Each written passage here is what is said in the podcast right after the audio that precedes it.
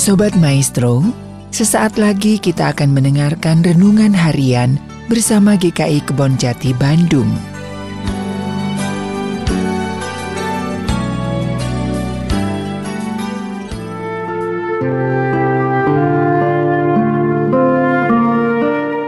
Shalom Bapak Ibu dan Saudara-saudari yang terkasih dalam Tuhan Yesus Kristus Bagaimana kabarnya hari ini? Semoga dalam keadaan baik dan sehat Tema hari ini adalah siapa mencari siapa.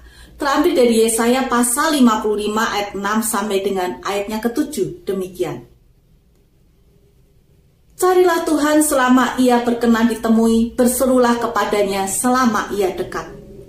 Baiklah orang fasik meninggalkan jalannya dan orang jahat meninggalkan rancangannya. Baiklah ia kembali kepada Tuhan, maka ia akan mengasihaninya dan kepada Allah kita sebab ia memberi pengampunan dengan limpahnya.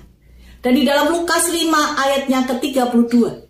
Aku datang bukan untuk memanggil orang benar, tetapi orang berdosa supaya mereka bertobat. Demikianlah firman Tuhan.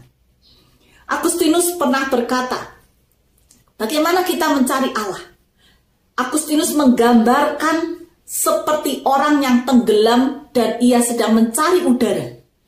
Usaha itu tidak mungkin dilakukan sambil lalu atau sekedar iseng, tetapi harus usaha yang luar biasa dilakukan. Ada juga orang-orang yang sungguh-sungguh mencari Allah dengan berbagai macam cara, membaca buku rohani ke tempat yang sepi, berpuasa, dan yang lain sebagainya. Tetapi benarkah manusia tersebut mencari Allah? Atau sekedar mencari berkat Allah? Atau mencari mujizat Allah? Atau juga mencari Allah ketika hanya memerlukan saja atau mencari surganya? Pertanyaan berikutnya adalah orang tersebut mencari Allah yang lebih dahulu atau Allah yang lebih dahulu mencari manusia? Kejadian 3 ayat 9 mengatakan demikian. Tetapi Tuhan Allah memanggil manusia itu dan berfirman kepadanya, "Di manakah engkau?" Dari ayat itu kita dapat berpikir dan merenungkan bahwa Tuhan mencari kita bahkan ketika kita berdosa. Sedangkan iblis menipu dan membutakan pikiran manusia di dalam dunia ini agar kita tidak percaya akan cintanya, akan karya penyelamatannya.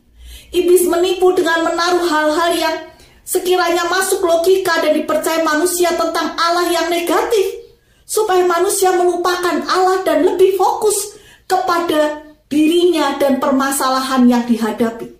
Kepentingannya, egonya, dan kalau itu terjadi, maka manusia seolah-olah terhilang di hadapan Allah. Bahkan ada juga pemahaman kalau Allah membutuhkan manusia, Allah butuh disembah manusia. Sebenarnya Allah tidak membutuhkan manusia. Tanpa manusia pun ia tetap Allah. Kita hanya sebatas ciptaannya Kitalah yang sebenar-benarnya memerlukan Tuhan. Tetapi yang menarik justru Tuhanlah yang mencari kita. Biasanya yang butuh yang cari, tapi tidak. Tuhan kebalikannya. Tuhan mencari kita. Ketika Tuhan datang ke dunia, bukan sekali lagi manusia yang mencari Tuhan, tapi Tuhan yang mencari manusia. Para murid ditemukan oleh Tuhan. Tuhan yang menghampiri mereka. Para murid orang yang sederhana, tidak berpendidikan tinggi dan berbagai karakter seperti karakter kita, biasa saja, tidak ada yang lebih. Tetapi Tuhan mau pakai mereka, seperti Tuhan juga mau pakai kita. Bahkan Tuhan mau menderita dan mati untuk menebus dosa manusia. Bukan ketika manusia itu baik, tetapi ketika kita manusia berdosa. Di dalam Lukas 15 ayat 1 sampai dengan 32 dikisahkan perumpamaan tentang domba yang hilang, dirham yang hilang, anak yang hilang, dan perumpamaan itu kembali menceritakan betapa Allah mengasihi dan mencari kita terlebih dahulu. Dan kalau kita sudah diselamatkan, kita benar-benar menjalani hidup ini, kita berubah kita menjadi pribadi yang berbeda. Seperti para murid yang kemudian karakternya berbeda ketika bertemu dengan Tuhan Yesus.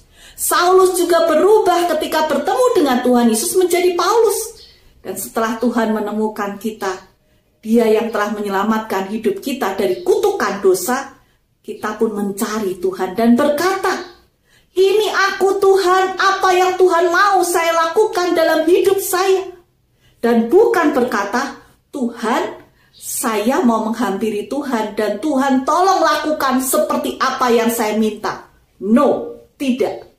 Tuhan punya tugas untuk kita lakukan di dalam dunia ini. Sudahkah kita melakukannya? Selamat ditemukan oleh Tuhan, selamat mencari Tuhan dan berkata, apa yang Tuhan mau saya lakukan di dalam hidup saya. Tuhan memberkati.